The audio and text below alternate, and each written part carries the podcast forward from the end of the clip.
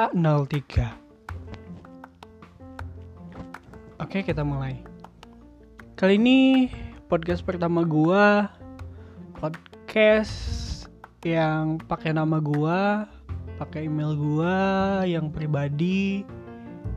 Kali ini gua mau bahas tentang sastra. Sastra ini adalah seni bahasa. Begitu katanya Ya kalau teori kalian bisa baca. Karena kalau mau tahu tentang sastra ya silahkan bergelut dengan buku. Tapi kali ini gue mau bahas Kenapa asiknya sastra gitu. Di sastra ini adalah dunia yang unik, yang beda. Dunia yang bagi gue dunia fiksi yang menerjemahkan kenyataan. Jadi ada sebuah kontradiktif yang gue pan, yang gue lihat gitu. Ini adalah karya fiksi yang di dalamnya menceritakan tentang kenyataan gitu. Nah, kontradiksi ini yang bikin gue jatuh cinta sama sastra. Hmm. Lu baca gue baca pertama kali um, harimau harimau. Gue baca itu dan lihat isinya. Gue pikir fiksi itu ya kayak nonton SpongeBob kayak nonton Power Ranger gitu. Itu bener-bener fiksi gitu. Kayak nonton Doraemon. Nah gue baca harimau harimau pertama kali. Wow itu di dalamnya lu bisa nostalgia dengan atau lu bisa tahu dengan kehidupan kehidupan di desa gitu ini latarnya ada di bukan di Jawa sih latarnya ada di Sumatera atau Kalimantan ya yang masih punya uh, kebiasaan buat uh, pergi ke dalam hutan atau mata pencarian mereka ke dalam hutan gitu. Nah ini ketika gue lihat ceritanya ada kehidupan yang seperti itu, itu kan real banget gitu. Sampai sekarang pun masih ada orang yang kerjanya kayak gitu gitu, ngegantungin hidup di hutan belantara, pergi berapa bulan buat cari cari apa yang mereka cari gitu. Tergantung komoditi yang mereka cari. Dan ini potret kehidupan di Indonesia yang dibawa ke buku lalu kemudian gaya ungkapnya pola pengembangan ceritanya dan kejutan-kejutan yang dikasih kepada pembaca itu bikin asik banget. Dan gue sadar oh ternyata gue belum tahu hal kayak gini. Gue belum tahu kalau misalnya ada orang-orang yang pergi ke hutan buat cari uang doang.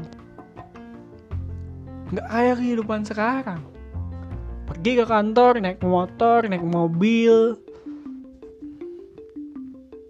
Datang pulang jam 4 sore. Ternyata orang lain nggak seperti itu. Mereka jalan kaki ke hutan.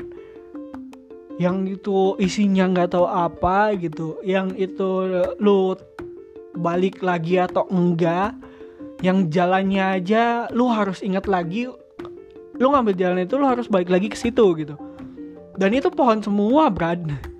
Nah ini diceritain detail gimana caranya hidup di hutan gitu. Nggak bukan berangkat pagi pulang sore. Mereka berangkat untuk satu bulan dua bulan hidup di sana bawa perbekalan segala macam lu kalau kalau suka naik gunung segala macam no jadi udah kalah gitu. Nah ini buku karangan Mohtar Lubis. Penerbitnya Yoi kalau yang gue punya. Buku klasik. Hmm, nah lu kalau mau tahu sastra pokoknya asik.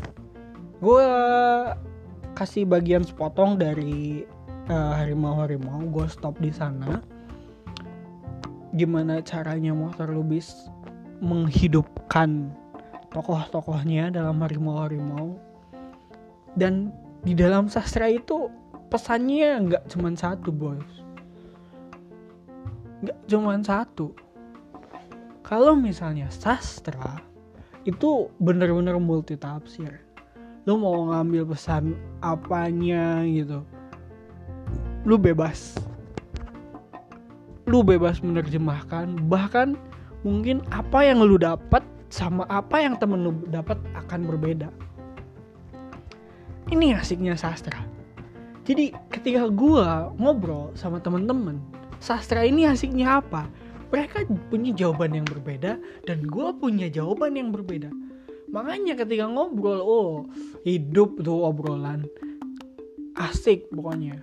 Dan apalagi obrolan-obrolan yang sama yang itu emang asik gitu.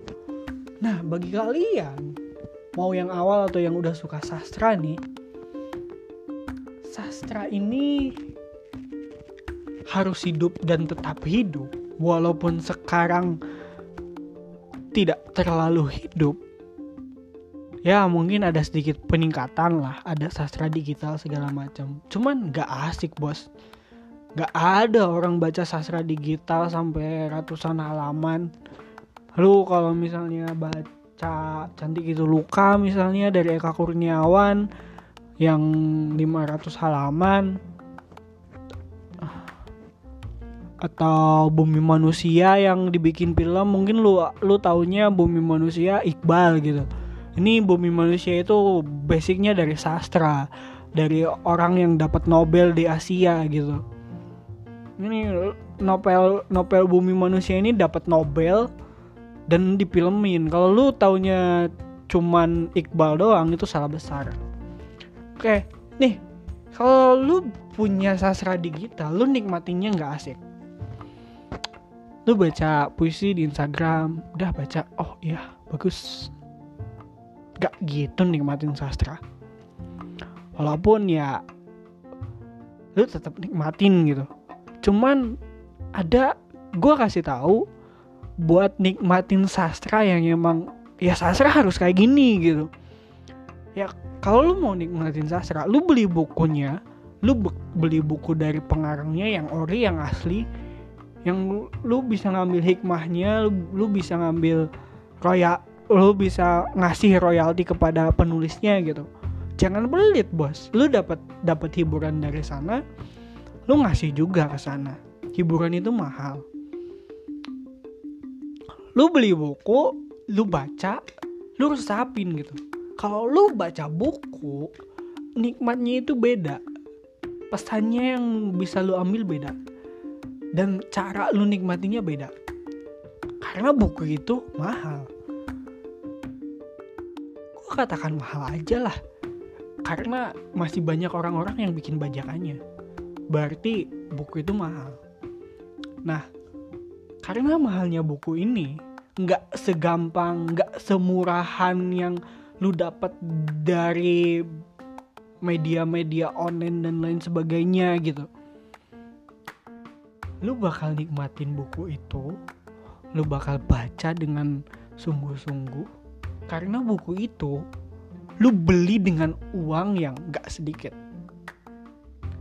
Atau beberapa lagi beberapa orang iyalah gitu nggak sedikit. Eh iyalah itu e, buat beli buku sedikit gitu. Nah, gue lihat realitas Indonesia aja gitu. Karena kalau masih banyak yang bajakan berarti masih banyak orang yang nggak mampu beli buat ori gitu tapi ya kalau lu nggak mampu beli buku yang ori maka lu harus nikmatin sastra, kumpulin duit buat beli buku yang ori, yang lu bisa baca buat waktu lama. Yang lu buku itu emang lu banget gitu. Lu cari review buku gitu misalnya di channel Prinsip Alem tuh ada rekomendasi-rekomendasi buku. Kalau bukunya betul emang asik gitu, tuh ambil buku itu. Dan nih buku buku-buku yang ada gitu yang buku-buku yang lu punya, yang lu simpen. Ketika lu dapat buku yang ori itu lebih awet. Kalau misalnya lu beli buku yang bajakan itu satu minggu pun udah bisa hancur. Cuman kalau lu beli buku yang ori kalau misalnya uh, lu pegang covernya gitu dan bukunya di bawah artinya lu lembaran covernya di cuman pegang lembaran covernya dan uh, si isi bukunya jatuh ke bawah gitu lu tuh gak bakal copot beda sama yang KW itu kalau kayak gitu aja lu udah bisa bedain kawasannya kualitas sama apa yang bakal lu dapat itu beda gitu. Nah bicara tentang buku sebenarnya orang punya selera bukunya masing-masing. Cuman di sastra ya ada orang yang suka sastra uh, serius ada orang yang suka sastra uh, picisan ada orang yang suka sastra ya nggak tahu sih gue gue bingung kalau jenis bukunya kayak gini. Agak sedikit motivasi isinya puisi-puisi singkat gitu. Nah ini gue bingung sama yang jenisnya kayak gini. Oke gue bilang kalau di teori puisi puisi embling kali ya puisi yang dibuat main-main. Tapi isinya gak main-main juga. Uh, eh, gue bilang apa ya? Uh, puisi puisi sing puisi singkat lah gitu. Nah puisi-puisi yang singkat ini yang kadang disukai cewek-cewek nih. Nah lu beli buku lu lu beli buku lu nikmatin itu beda gitu. Kalau lu misal lu punya insta, eh ngikutin Instagram orang yang nulis buku itu beda bro beda bro rasanya. Kalau buku itu kalau mati lampu gak ada sinyal gak ada apa pun buku tuh bisa nemenin lo dan kalau misalnya lu baca buku asli nih ini asli pengalaman gue kalau lu baca buku itu bakal berasa lama dibandingkan dengan lu scroll scroll di Instagram. Asli beda banget. Nih, kalau misalnya lu baca lu baca buku itu setengah jam. Kalau gue bisa dapat 50 halaman 30 halaman lah kalau ceritanya agak berat. Kalau lu baca sastra setengah jam dapat 50 halaman itu rasanya capek banget. Kalau yang serius kalau yang ringan asik gitu. Dan lu berasa kayak orang yang terakhir kembali kayak orang yang oh kok bosen ya gitu. Kok waktu masih panjang ya gitu. Kok gua abis baca ini berasa lama gitu. Padahal cuma setengah jam. Tapi kalau misalnya lu main sosial media ternyata waktu setengah jam itu nggak sampai ke mana-mana. Lu cuma scroll yang nggak bagus dilewat yang nggak lu suka dilewat gitu. Atau mungkin yang nggak bagus lu tonton.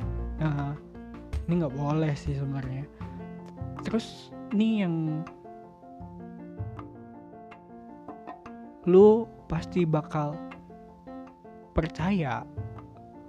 Dan gue nanya ke lumnya masing-masing ada efek dan dampaknya nggak sih ketika lu scroll scroll doang?